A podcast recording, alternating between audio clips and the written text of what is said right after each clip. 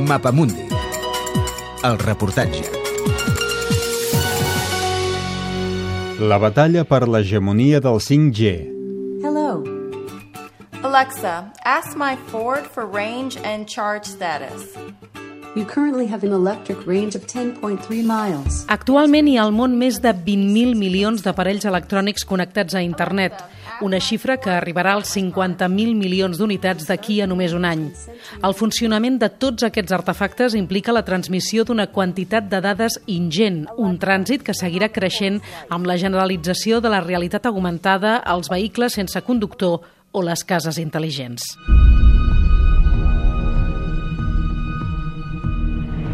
un nou i immens mercat d'aplicacions i serveis que requereix una xarxa molt més potent i ràpida, el 5G. Sen Gursoy és professor d'Enginyeria Electrònica i Ciències Computacionals de la Universitat de Siracusa, a Nova York. Augmented virtual reality. La realitat virtual augmentada, els vehicles autònoms que es comuniquen entre ells o l'automatització de la indústria amb robots dirigits per control remot, el sistema sense fils actual no pot assumir aquest tipus de serveis. L'expectativa és que quan el 5G estigui totalment desenvolupat i desplegat, aquestes noves aplicacions seran possibles. La xarxa 5G promet oferir una connexió 100 vegades més ràpida que l'anterior generació, cosa que normalitzarà l'anomenat Internet de les coses, és a dir, la comunicació i coordinació directa entre dispositius, per exemple, de vehicle a vehicle o entre electrodomèstics. Ara mateix, quan utilitzem els telèfons mòbils és per comunicar-nos entre nosaltres o per consumir dades, però amb les aplicacions de l'Internet de les coses caldrà disposar de milers de sensors desplegats a les carreteres, a la xarxa elèctrica, a les nostres cases. I en aquests casos, la gent no necessàriament intervindrà. Els sensors es comunicaran entre ells. Els economistes ja parlen de la quarta revolució industrial per l'impacte que aquesta tecnologia tindrà en la nostra forma de treballar i relacionar-nos. Una revolució que aportarà més de 14.000 milions de dòlars a l'economia global, segons els càlculs del Fòrum Econòmic Mundial. El país que lideri la construcció de la xarxa 5G, per tant, encapçalarà també l'economia del futur.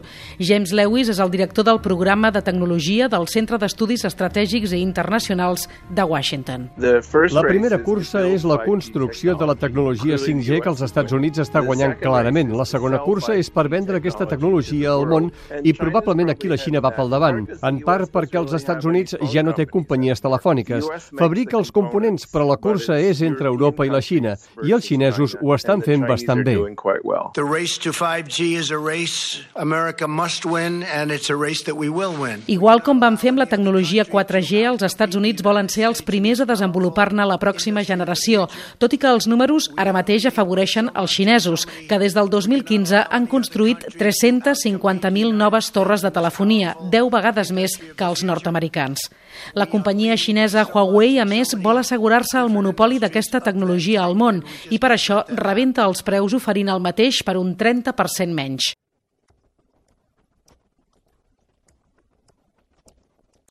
És en aquest context de competició que s'ha d'entendre la guerra del govern nord-americà contra Huawei, a la qual acusa de ser un tentacle del Partit Comunista Xinès.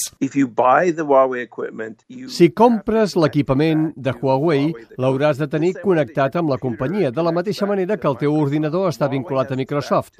Huawei és el mateix, amb la diferència que parlem de tota la xarxa.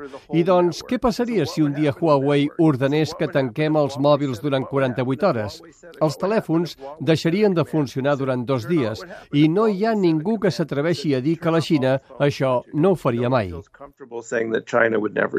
Every sovereign nation that will make its own decision and then the United States will make its decision. A la denúncia interposada contra Huawei per suposat espionatge industrial i la detenció de la directora financera de l'empresa al Canadà, el govern nord-americà hi ha sumat una campanya diplomàtica per convèncer la resta de països que contractar o comprar tecnologia xinesa és un perill per la seva seguretat nacional. Per ara, només ha tingut èxit amb Austràlia i Nova Zelanda, mentre que els països de la Unió Europea s'ho estudien. Crec que és una preocupació gran perquè el fet d'utilitzar Huawei dona avantatge a la intel·ligència xinesa. La meva aposta és que finalment els Estats Units i els seus aliats trobaran la manera de seguir compartint la intel·ligència, però podria ser més lent i més complicat. no és que l'intercanvi d'intel·ligència s'hagi aturat, és que serà més difícil i una mica més arriscat. En joc no només hi ha la connectivitat del futur, sinó el nom de la potència que tindrà l'hegemonia global, a més de l'enorme poder de disposar de milions i milions i milions dels nostres moviments diaris i les nostres dades personals. És un reportatge de la corresponsal a Washington, Jenny Lozano, disponible al podcast del Mapa Mundi.